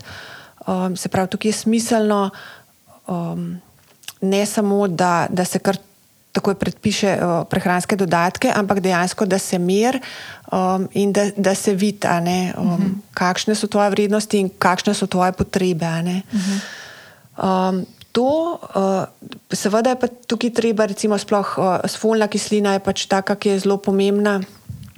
To je ta zelena listna, ta zelenjava, to smo že takrat govorili. -hmm. Zato jaz tudi sam rečem, ne samo prehranski dodatki, ampak dejansko tudi um, vsa. To je pač potem pa uh, tak. Kako rečem, predpisane. Le, na dan morate pojesti najmanj eno porcijo zelene listnate zelenjave, uh -huh. za en tak zadosten nos. Um, no, potem so recimo določene snovi v križnicah. To so križnice, so, uh -huh. se pravi ta zelenjava, brokoli, zelje, ohrovt, um, redkvice, um, cvetača. Te so se tudi se raziskujejo v tem, da ne bi bile tudi potencialno lahko učinkovite pri m, razreševanju okužbe s HPV-jem. Um, potem so recimo karotenoidi, to so že spet mm -hmm. ti rdeči antioksidanti ne, mm -hmm. v, v zelenjavi, pa v sadju. Tako da, um, ja, zelo veliko enih v bistvu povezav. A veš, vedno je pa seveda sklop vsega, ne? ni samo ena stvar. Ne? Ampak, um, sem pol, uh, ko sem še tu raziskvala, v bistvu še kaj, kaj novega v povezavi s tem, sem našla eno um, tako zanimivo raziskavo. Mislim, zato raz, zanimivo, ker v bistvu nisem uh, prej še naletela na kaj tasga, no? ampak kako so um, uporabljali umetno inteligenco. Ena firma, ameriška, je uporabljala umetno inteligenco, da je pregledala ne vem koliko, 50 tisoč različnih um, mhm. študij in iskala povezave med virusi pa um, različnimi rastlinskimi um, učinkovinami. Uh, tako da so naredili eno tako formulo, in pa, ko so jo naredili, so dali pa potem še znanstvenikom, da so to um, do konca dodelali, to formulo, in pol um, so pa naredili klinično študijo. No. Sicer ne bi zdaj govorila točno o tem. Um, Pripravko, ampak so pa zelo zanimive te dejansko sestavine. Uh -huh. in, tako da je mogoče. Takrat, takrat si mi še zeleni čaj svetovala. Tako je, ja, zeleni čaj, ne, kot ta v bistvu izleček zelenega čaja. Uh -huh. uh, EGCG je zelo močen antioksidant, tako da v povezavi s tem uh, ima tudi zelo veliko enih um, vplivov na. Uh -huh.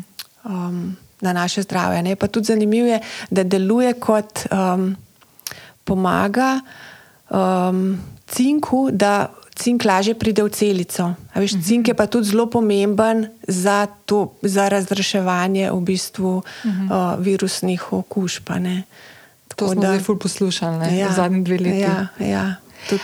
A veš, to je meni, uh, sorry, sem ti vzela besedo. Ne, ne. Veš, kaj je to meni tako noro, ne? ker uh, vedno, pa se spet nazaj vrnem ne, na, na, na hrano in se mi zdi tako. Veš, kaj, jaz se zdaj tako štiri leta že s tem zezam. Ne? In hodim od enega zdravnika do drugega, no se ne da zdaj se celo 24 ur na dan s tem ukvarjam, ampak skozi imaš tam v glavi neki, ne? kaj lahko naredim, kaj lahko naredim. Pa jaz lahko povem, da to, kar smo mi dva takrat naredili plan, sem bila jaz tako zelo motivirana, ne dva, tri mesece zelo, pa pa pač padeš ven. Ne? Tako da moram te nazaj, pa pa še malo govorili, ker te bom še v prehranskih dopolnilih malo vprašala, ampak. Mm, ena stvar, ki sem bila jaz vedno, ki me malo tako iziritira, ne, je to, da ko naprimer omeniš prehrano zdravniku, te tako praktično, tako zdaj si izkušnja, kar malo čuka zgleda, da, zdaj, da je to neka taka. Stvar, ki je ne vem, veš, da bi šla ne vem, kjer mu vražu zdaj, da mi razloži, kako naj se prehranjujem. Ne? In se mi zdi tako včasih, kako je možno, da tako na tak način je neko tako dojemanje te splošne medicine do hrane, doskratno. Ja, veš, to mogoče tudi zato, ker pač dejansko ne bo ne zdaj, če boš ti en brokoli pojedel, ti, en brokoli ne bo nič naredil, ne en brokoli, ne gre za uh mhm. -huh. kontinuiteto, kaj ti vsak dan ne vnašaš, ne tam pa definitivno je vpliv na, na, na telo in na zdravje in na imunski sistem. Ne. To je pa neovrgljivo. Ja. Eno, no, evo, prehranski dodatki. Najprej sem jaz posula s pepelom, pa polkava zaključali snemanje, ti mi tiste stvari tam le malo pokazala. Ampak načeloma, evo, jaz sem padla v eno luknjo zdaj, ne dva meseca nazaj, ker sem nekaj, ne vem, kje sem prebrala, da pa to bilo pa ful dobro, če bi malo našala, pa malo železa, zato ker sem se nekaj slabo počutila, pa imela občutek, da imam pomankanje energije, mogoče pa to to. In sem šla tle le spodaj v moj lokalni DM, noč na robe z DM-om, ampak so si pač nagrebla noter ene par stvari. Uh, je pa ena stvar, ki jo pa nisem jaz naredila, priznam, potem, ko sem na pretepi, je, da nisem še nikoli mert v svojem telesu, kaj se dogaja s temi razno raznimi stvarmi, ki sem jih priporočala, tako da to me čaka in zdaj sem se dala z vseh teh prehranskih dopolnil dol in bom šla zelo kratko mm -hmm. to urediti. No? Ampak mogoče ta, te prehranski dodatki, ki so se zdaj tako res razpasali. No? Uh, kaj je tista stvar, ki mogoče poleg tega, da je dobro, da mogoče vidimo, iz kje izhajamo, pa kakšno je trenutno stanje pri nas, ker lahko imamo tudi kakšne presežke v telesu, ne, ne samo pomankanja. Kaj je dobro, da, da smo pozorni, ko naprimer zbiramo ali pa se odločamo o nekih prehranskih dodatkih? Uh mhm. -huh. Ja, lej, tukaj je pač res včasih potrebno kar malo mal več znanja. Ne. Kot prvo bi jaz rekla, pač meni je hrana še vedno osnova, uh mhm. -huh. ampak seveda. Um, V neke terapevtske namene je pa potem fajn, um, da si lahko tudi s tem pomagamo. Ampak prvič je treba vedeti, vem, kakšne oblike. Veš, že samo oblike vitaminov in mineralov, ene so bolj absorbilne, ene so manj absorbilne. Kako jih, s čim jih uživamo. Ne? Ne vem, določene snovi v hrani lahko tudi preprečujejo absorpcijo. Določenih hranil. Potem uh, vidim, uh, kar se mi zdi zelo problematično, je, da ljudje na dolgi rok uh, jemljajo neke stvari, pa sploh se pravi, nimajo niti o, dokazanih nekih pomankanj, ne? mhm. sploh kakšnih o, multivitaminskih kompleksov ali pa B kompleksov, Če je to kratkoročno, ni težava, mhm. ampak na dolgi rok pa lahko pride do, tudi do preseškov mhm. določenih stvari in to definitivno ni zaželjeno. Sploh, kakšen recimo A vitamina, ne? to sem tudi že videla. A vitamin je lahko tudi toksičen, ne? če ljudje pač dolgoročno, pa so to lahko samo um, skaratonaidi, um, v bistvu bogati multivitaminski dodatki. Niti ni treba, da A vitamin, pa so vseeno lahko preseški A mhm. vitamina. um, ali pa kakšnih določenih drugih B vitaminov. Potem um, pri mineralih je treba to, kar si rekla, ne, ja, železo sem že m, zadnjič omenila, ne, železo se nikoli ne dodaja, železo je močen oksidant. Mhm. Ne, in se ga nikoli ne dodaja, uh, če nimamo dokazane anemije oziroma pomankanja uh, zalog železa. Uh, tako da Ja, tukaj se mi zdi doskrat, da je problematično, da si lahko to dejansko greš v trgovino, pa si nabereš ne, v, ja, in si vrečko kupaš. Ja, ja. In, ja, ja, ja. To je meni neverjetno, se mi to zdi. No, da res, veš, niti ne gre za lekarno. Ne?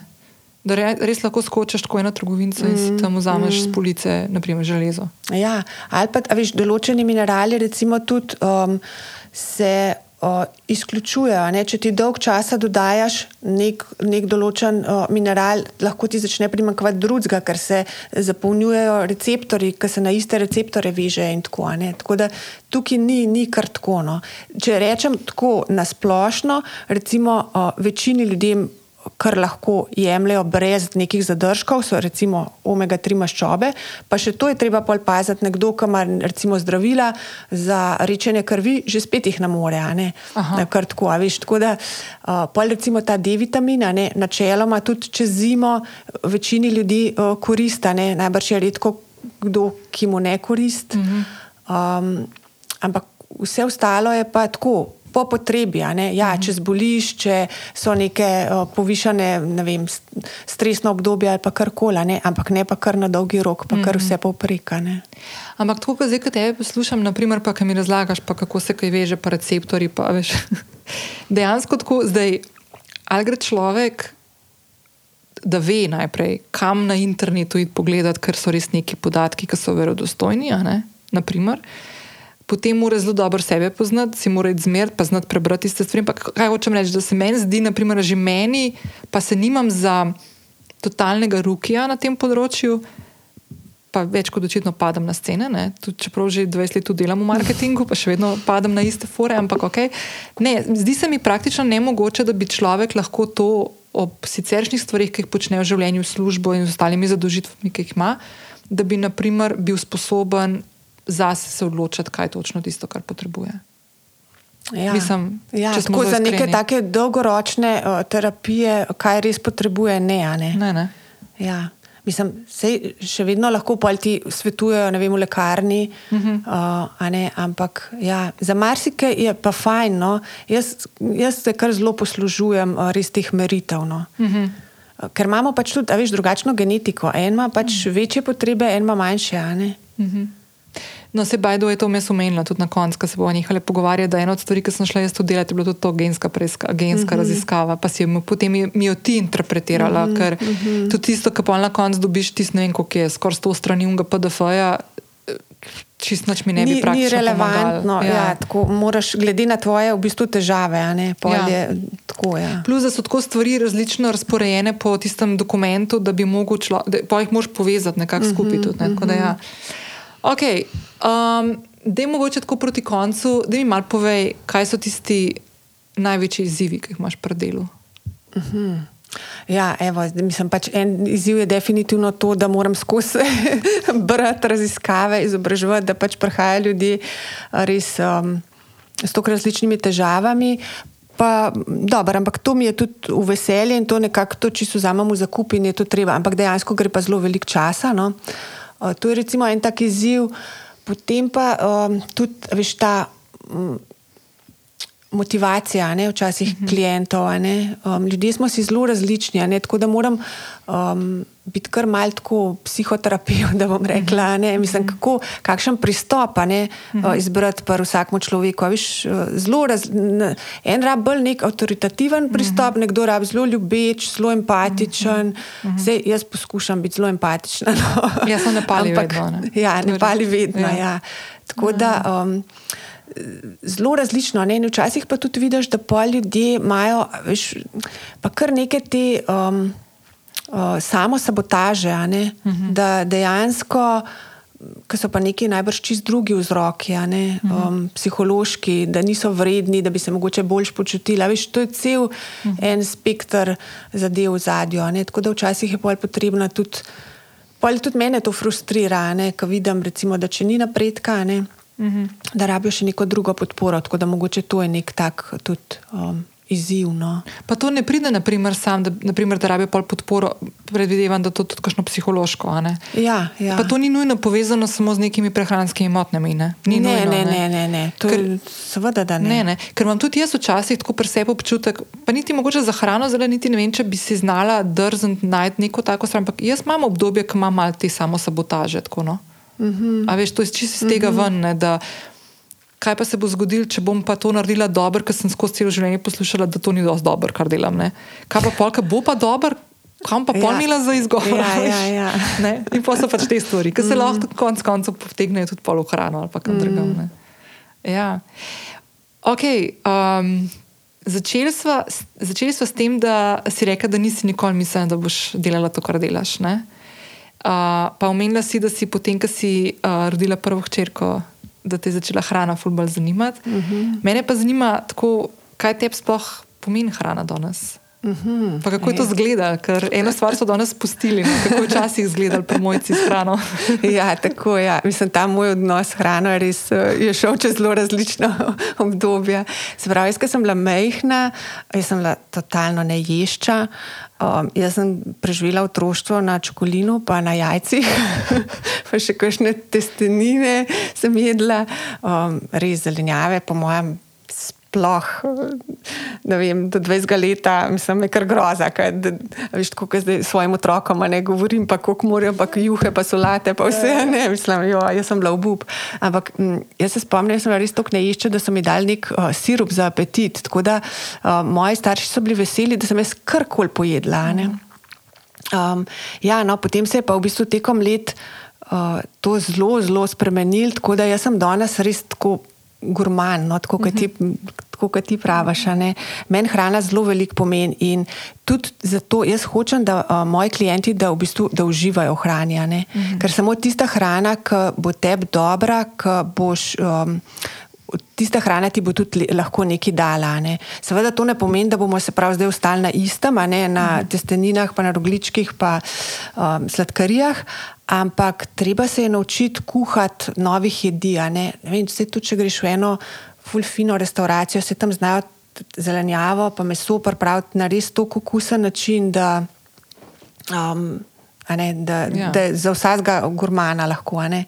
Tako da, ja, in jaz tudi tako v drugih stvarih uživam. Recimo, uh, to ne pomeni, da se moraš vsemu ne, od, odpovedati, daljš od tega. Ne. Važna je ta baza, veš, recimo, ne. za me je to pač, da je dovolj beljakovin, da je dovolj zelenjave, da je raznolikost. Um, potem pa, recimo, imam zelo rada kavo, jaz pijem kavo smetano. In jaz v tem res uživam. Da, ampak meni ni ta kava, recimo, taka potreba, da moram prvo stvar zjutraj popiti kavo. Jaz večinoma, ker sem doma, ne pijem kavo, ampak meni ima kava neko to konotacijo, a veš sprostitve, užitka. Da se nekaj povoščaš. Tako, ja, mm. ja, in jaz v tem res uživam. Tako da tudi to želim, ne, da tudi ljudje, ki se morajo pač odpovedati recimo, določenim stvarem, včasih, ker moramo preizkusiti, da jim to škota. Ne, in pač včasih gre tudi za dlje časa, da nečesa ne smijo, ampak um, enostavno, da pa, da pa še vedno, uh, da imajo v, v hrani nekaj, kar jih. Um, Kar jim je res dobro, kar v, v mhm. čemer uživajo. Mm -hmm. Se pravi, da ne gre ta, za ta mogoče strah ali pa to, kar sem tudi jaz se malo poigravala s tem, ko bo tudi izgledal, ki mi je prišla in zdaj bomo vse skenirali, črtali, da dejansko ni to point mm -hmm. tega. Ne? Okay. Um, kaj pa drugače, kako se, kje iščeš še navdih ali pa kreativnost, pa kako se umirjaš v življenju, kaj je tisto, kar, k čemu se zatečeš? Um, Zelo rada um, grem na zrak, grem na sonce, sploh to zimsko sonce me tako poživlja, da sem tako hvaležna za tole sonce v zadnjih dveh mesecih, ki je čisto neobičajno za Ljubljano. Ne? Uh, res ta narava me še vedno, um, to res nujno rabim, vsak dan. V bistvu, če se res se skoraj ne zgodi, da bi bila cel dan noter, razen če sem ne vem kaj, bolna. Um, o glavnem to, potem pa mogoče ena taka tudi. Um, rutina, no, ki se jo pa zdaj kar poskušam držati, je pa, da delam, to ti pa zadnjič nisem niti omenila, da Aha. delam hormonsko jogo. Oh. Ja. Okay. Poznaš? Slišala sem, ampak sploh ne vem, kako to zgleda. Ja. to sploh je? Uh, ja, v bistvu pač zaporedje vaja ne, um, in tudi v kombinaciji z dihanjem in z vplivom na, na, naš, um, na naše žleze, na hormone, ker sem pač tudi v nekem tem prehodnem, a veš. Zdaj si fuldoro temu odprla, ne morem verjeti. Hrana, pa te stvari, uh, pa, pa me- menopauza, pa to. A to, v to smo Ja, greva. ja, ja, tako, mislim, tako da to zdaj tudi um, Hudo. delam. Ja. Okay, spet, še, še zato bom tudi prišla k tebi. Ja, best. okay, ne, to je tudi ena taka stvar. Ne, sorry, zdaj tako moram res skočiti na to zadevo. Mm -hmm. Ker to, naprimer, se pa je zdaj zadnje obdobje. Um, Ker mislim, da sicer nisem še blizu tega, pa tudi moja mama, ko sem vprašala, je še dokaj pozno v menopauzo. Uh -huh. Ampak ena stvar, ki imamo tako ženske v glavi, saj jaz to tako nekako občutam, da nas je tega strah, ker to je pa nek šok, pa ful se slabo počutiš, pa telesno in mentalno in vse živo, in kar naenkrat kar imaš občutek, da kar zdaj pa konc življenja. In se mi zdi, kako. Kaj, kaj lahko naredim danes, da se začnem počasno to pripravljati? Mm -hmm, mogoče, ne? in mm -hmm. obstajajo. Ne, Da, stvari. ja, ja, da, gre, da gre pač to dosti blažje. a ne. Ja. Ja. Tako da ja, meni je ta hormonska joga no, um, zelo, zelo fajn. Dober, okay, hudo, bo to malo več. ja. um, tako, no, rada hodim, pa pač seveda tudi kakšna uh, potovanja s, s svojimi hčerkami, ki zdaj še hodijo z nama, ne, še mogoče ne prav zelo dolg. Tako da, um, ja, kakšna taka potovanja, ki si jih zdaj tudi nekaj časa nismo mogli prvoščati, ampak uh, tam me vedno tako veseli, vse tudi v povezavi s hrano. a Veš, kadarkoli pridemo v neko novo mesto, meni je tako prvo ali pa najkasneje drug dan moramo iti pogledati, kako je tržnica tam zgleda. Ali pa še restauracije, smo to vedno tako na listi, zdaj, ko grem nekje v Nemčijo, tako že, imam že tako zabeleženo, veš, kjer so Kam? tisti placi, tam je probat kaj. Tako. mogoče- Kakšne stvari, ki jih pri nas ni, a veš, tako, čeprav mm -hmm. imamo kar veliko teh tujih restauracijah, ampak tako kakšne stvari, ki, ki jih ni. Ja, tako. ja, ja. Pa tržnice. Ja. Ja, in tako najboljš tudi spoznaš ljudi. a ne, in To me je res nekaj, kar me tako zelo um, veseli. No. Pa si mi, da ponovadi, ko se srečava v Ljubljani, se na tržnici. Na tržnici. ja, vidiš. A veš. Ej, da je mogoče za konec še uh, kakšno knjigo um, ja, ali pa kakšen film. Okay. Ja, um, zdaj, če uh, sem tako o tem črevesju in tako ne, govorila, se mi zdi mogoče ena fullušna knjiga od uh, Julie Enders, uh, Čudežno ali čarobno črevesje, uh -huh. ki je na tak zelo um, poljuden, pa v bistvu tudi um, ljubek način s takimi lušnimi ilustracijami predstav to naše, ta naš notranji svet. Uh -huh. Pa je pa še ena, sicer v angleščini, ampak zelo tako na poljuden način, uh, meet, uh, meet your bacteria ali meet my bacteria. Um, to sta te dve take poljudno strokovni. a ne. Um, drugače pa zdaj, če pa mogoče kakšen film, ki pa nima zdaj čisto nobene veze no, um, s to mojo temo ali pa tako, ampak da me se je pa tako usedel v zadnjem času, bi pa mogoče omenila dva in en je bil um, Krt v Kino dvor ki je ena čist drugačna tema, kot smo navajeni, v bistvu o enem gospodu, ki se gre, kot nekega detektiva v domu za ostarele. To je v bistvu bil nek dokumentarc, čilski. Um, ampak to kljubek film, um, mislim, tok, čez ene, vsa ta čustva greš, toliko ene empatije, enega sočutja, pa v bistvu tudi fulenga smeha, uh, joka, vse. No? Tako da to se me je zelo dotaknilo. Uh, pa sem pa še pred kratkim pa gledala en ta film iz 80-ih, Paris, Texas, Aha. če se spomniš, ki je Ja. bil tudi ful znan. Um, od Ray Kuderja je bil, soundtrack je bil ful znan. In to je pa, tako se mi zdi, kontrast temu, tako road movie, ampak to, ko se počasi teče. A Veš, to je. Um, in zato se mi zdi, da me je čist predstavil eno tako.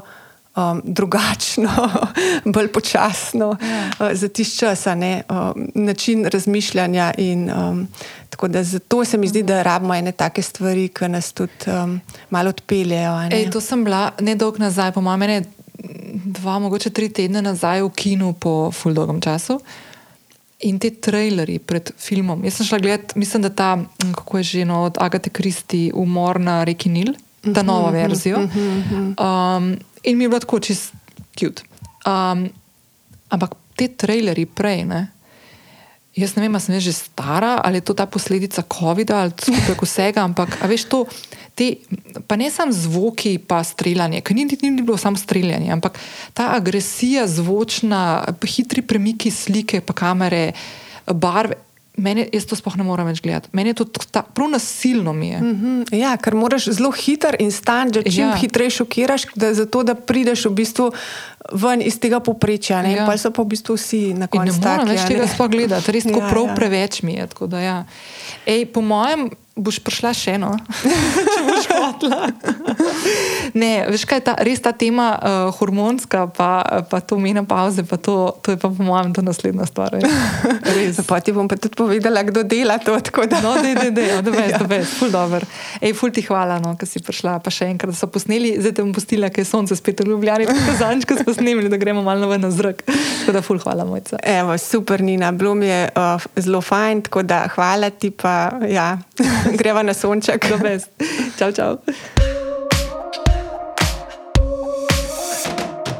Hvala, mojci, uh, in hvala tudi tebi, da si ostala oziroma ostal z mano do konca. Uh, na začetku sem obljubila, da bom na hitro povzela še enkrat uh, mojo izkušnjo uh, pri mojci oziroma prehranske terapije pri mojci, ki sem jo jaz izkusila iz prve roke, iz prve vrste in razlog, zakaj uh, sem se oglasila pri njej. Uh, čeprav mislim, da je kakršen koli drug razlog lahko tudi, uh, oziroma uh, opovod, uh, odličen za to, da uh, vsak od nas se malo bolj sam sabo spozna. Uh, preden pa grem v to, bi pa eno stvar še povedala, ki se ne navezuje samo konkretno na to epizodo ali pa na to tematiko, ampak dejansko kar lepo na, na vse stvari. Jaz si ful v življenju, uh, sploh v zadnjih letih, želim pri sebi nenehno preverjati um, moje neko stanje, ne samo tega, da uporabljam svoje uh, misli, svoje možgane, svoje izkušnje, znanje in te stvari prepletam, tudi in predvsem takrat, ko um, dobivam neke informacije od zunaj, uh, ampak da sem nenehno tako mal na preži, uh, da imamo vklopljen nek tak kritičen. Pogled, kritično, kritično razmišljanje. Uh, zato tudi večkrat v epizodah in v vsebinah, ki jih nasplošno pripravljam, omenjam, da se je treba vedno zavedati, da tudi jaz, kot ustvarjalka nekih vsebin, uh, vedno poskušam povedati tudi to, da stvari, ki jih zdaj dajem od sebe, čeprav jih dajem z veliko mero odgovornosti uh, do vas, občinstva.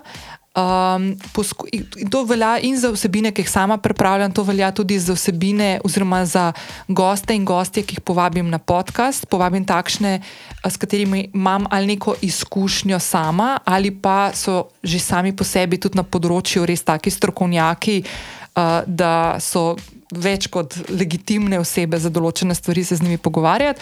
Ampak ne glede na vse te stvari, se mi zdi pomembno, da vedno izpostavim, da ko gre za neke zgodbe, uh, ki so moje, ki so moje neke izkušnje, moja prehojena pot, uh, da te stvari povem na glas, zato ker ne želim, da to izpade, kot da je to neki. Um, Edini način, edini scenarij, edina možnost, edina pot. Mislim, da je pomembno, da vsak od nas raziskuje sebe, uh, svet okoli sebe, uh, da najde neko mesto v svetu zase. Uh, so določene stvari, ki so nam skupne, so dolo, ogromne takih stvari, so določene stvari, ki jih drugače razmišljamo in s tem ni nič narobe. Uh, zdaj v poplavi vseh informacij, ki jih dobivamo, uh, ki jih imamo praktično cel svet v žepu, prek pametnih telefonov, pa interneta in tako naprej, se mi zdi, da.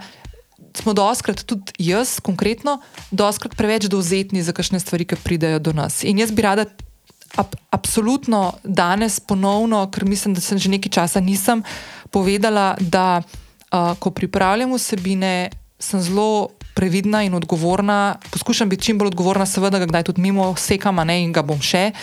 Um, ampak poskušam biti uh, odgovorna pri tem, kakšne vsebine dajem od sebe.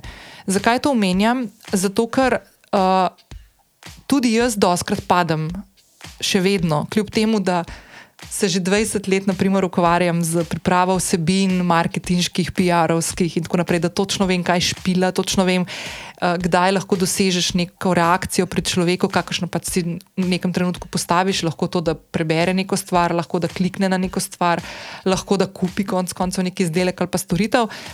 Jaz tudi padam na te iste fore, uh, v te, ali, ali v na te, na te neke na sporočila, čeprav jih v teoriji poznam, kako se zgodijo in kako nastanejo, s kakšnim razlogom nastanejo, ali pa konkretno, konec koncev, tudi v neke algoritme, ki so napisani za to, da nas držijo na, nekem, na neki platformi. Um, in kot smo se danes z mojco pogovarjali v tej epizodi, sem tudi sama zelo povedala, kako sem zdaj v zadnjem času padla spet v eno to foro, konkretno z nekimi prehranskimi dopolnili. Čeprav vem in sem se že podočila, da preden začneš neke stvari imeti, je fino, da greš preveriti pri sebi, kaj sploh potrebuješ in česa ne. A imaš še manjko, kakšnega makrohranila, vitamina, minerala ali pa presežek. Tako da jaz sem šla kupiti določene stvari, ker sem pač prebrala nek članek, kot večina od nas, ki se to zgodi. Tako da še enkrat tukaj se posipam s pepelom, ravno zaradi tega, ker hočem, da vidite, da tudi meni se take stvari zgodijo. Uh, je pa prav, da, da, da, da, da, ne gre za to, zdaj, da se nekaj obsoješ, ampak da pač, ok, tukaj sem zafurala, zdaj bom pač se posvetovala, šla bom narediti teste in potem bomo naredili korake naprej z osebo, konkretno jaz sem šla k mojci, ki mi bo povedala, ok, ni na ta pa ta prehranska dopolnila ven vrži ali pa te pa te rabaš pa unesti, zato ker potrebuje tvoje telo, ker tega ne zaužiješ z neko raznoliko, raznovrstno uh, prehrano oziroma obroki, ki si jih pripravljaš. Tako da to. Uh, to sem hodila narediti en medklic, še enkrat, ne velja samo za epizodo današnje, to velja za nasploh vse stvari. Uh, vse stvari, ki jih jaz znam od sebe, želim tudi od vas, da, da ste kritični v tem smislu, da preverite, ali vam kakšna stvar sede, kakšna stvar ne sede, ne more vam vsaka stvar odgovarjati. Tako da jaz se tega zavedam in odpiram tukaj prostor in želim se odpirati prostor na vaši strani, da razmišljate, uh, kako kakšno stvar upeljati ali pa, pač ne v vaše življenje. Uh, Um, zdaj, obljubila sem, da bom povedala mojo izkušnjo z mojcem, zakaj sem šla k njej. Zdaj, ključni povod, da sem jaz šla k mojci, je bil HPV. Um, jaz sem mojco spoznala, mislim, da še en mesec ali pa dva potem, ko sem imela poseg, to bo zdaj letos poleti štiri leta. Um, potem pa mislim, da sem šla k njej um, eno leto kasneje. Ko sem ugotovila, po, malo, po dobrem letu, potem ko sem imela poseg, da je HPV zdaj, ne, ne vem, še vedno, še danes ne vem, po štirih letih, ali je bil ponovno, um, da se je ponovno zgodil v mojem telesu, ali je, pa še sta, je šlo še za staro okužbo, ki se mi zdaj že vleče kronično štiri leta. Um, jaz sem še eno stvar takrat uh, doživ, doživljala in je bil še dodaten tak puš, ki me je potisnil v mojčino smer. Uh, in to je bilo, da nekako nisem mogla si razložiti stvari, ki se dogajajo v mojem telesu. Med drugim, poleg HPV-ja, se je meni nekako sočasno s tem dogajala še ena stvar, prvič v življenju in to je, bila, um, je bilo neko vnetje dlesni, ki se mi zdaj že štiri leta dogaja in to vedno na istem mestu v ustih. Uh, in zaradi tega hodim tudi k zobozdravnici moji, tako po mojem, enkrat na leto, sigurno grem tja, da mi to sanira. Um, jaz sem slišala že vse žive stvari, od tega, da imam uh, težave z imunskim sistemom, ki ne, ne more izločiti tega HPV-ja, um, do tega, da uh, mogoče bi bilo fajn, da kakšne hormone pogledam, kar je tudi ena od stvari, ki jo moram začeti raziskovati. Skratka, kaj vam hočem povedati? Jaz sem, tako kot smo se z mojco pogovarjali, jaz sem v bistvu človek, ki živi si usmišlja svo, sebe in svet, ki me obdaja na način, da mora imeti čim več informacij, ta nek big picture pogled. To je meni ful pomembno in pri mojem delu, in pri življenju nasploh, odvedno. In um, ravno zaradi tega, ker nisem dobila odgovorov na vprašanja pri strokovnjakih oziroma specialistih, s katerimi imam zadnje štiri leta um, kontakte. Um, raziskujem tudi sama naprej. Zdaj jaz poskušam ta raziskovanja ne delati na način, da padam v neke um, internetne vire, ker ne znam niti sama zaradi pomankanja znanja oceniti, kaj je tista stvar, ki je za me relevantna, katera ne, pa zato, ker ne bi rada v neko črno luknjo padla. Poskušam biti pri tem malce bolj selektivna in poiskati strokovnjake na nekem področju, ki mi pri tem lahko pomagajo. Zdaj, izpostavila bom tukaj še eno stvar, da jaz to, to ne morem premalkrat povedati. Jaz zaupam v zahodno medicino, zaupam v zdravstveni sistem. Uh, Zaenkrat me ni pusto na cedilu, je pa res, da ena stvar, ki jo pogrešam, je to, da nimam na drugi strani nekega sogovornika, ki bi me znal gledati celostno. Uh, se pravi, ko grem jaz naprimer, na ginekološki pregled, se lahko z mojo ginekologinjo pogovarjam o polju njene strokovnosti. Če začnem raz, uh, razlagati, da imam naprimer tudi vnetje dlesni, bo težko ona karkoli odgovorila, ker nima tega znanja. Ista stvar je pri moji zobozdravnici, ko jo omenim, naprimer, poleg tega, ko ona meni sanira vneto dlesen, ko ji povem, da imam tudi HPV prisoten v telesu. Ne? Zdaj, moram povedati, da obe moji zdravnici, in zobozdravnica in ginekologinja, sta šli preko svojih uh, nekih nalog ali pa obravnave pacijenta in sta tudi sami začeli raziskovati. Tako da jaz, ko grem k obema, se ful o teh stvarih pogovarjamo, tudi malo širše, izven tega polja strokovnosti, ampak še vedno, še vedno za me, kot za pacijentko, premalo, zato ker še vedno se. Soočam s nekim kroničnim obolenjem zadnja štiri leta, ki se mi zdi absolutno neverjetno, da ne morem te stvari, z vsemi stvarmi, ki sem se jih želela sanirati. Um, ena od stvari, ki je bil pač povod, no, da sem šla k mojci, je to, kar so danes veliko govorili, tudi, da je mojca zelo, ona zelo individualno vsakega človeka sprejme.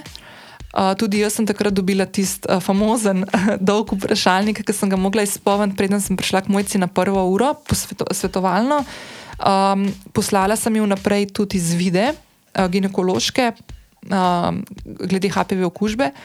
Uh, povedala sem jim tudi, da to vneto odlesen. In kaj je bilo meni ful všeč, čeprav me je tudi po eni strani ful razbural, pa bom povedala zakaj.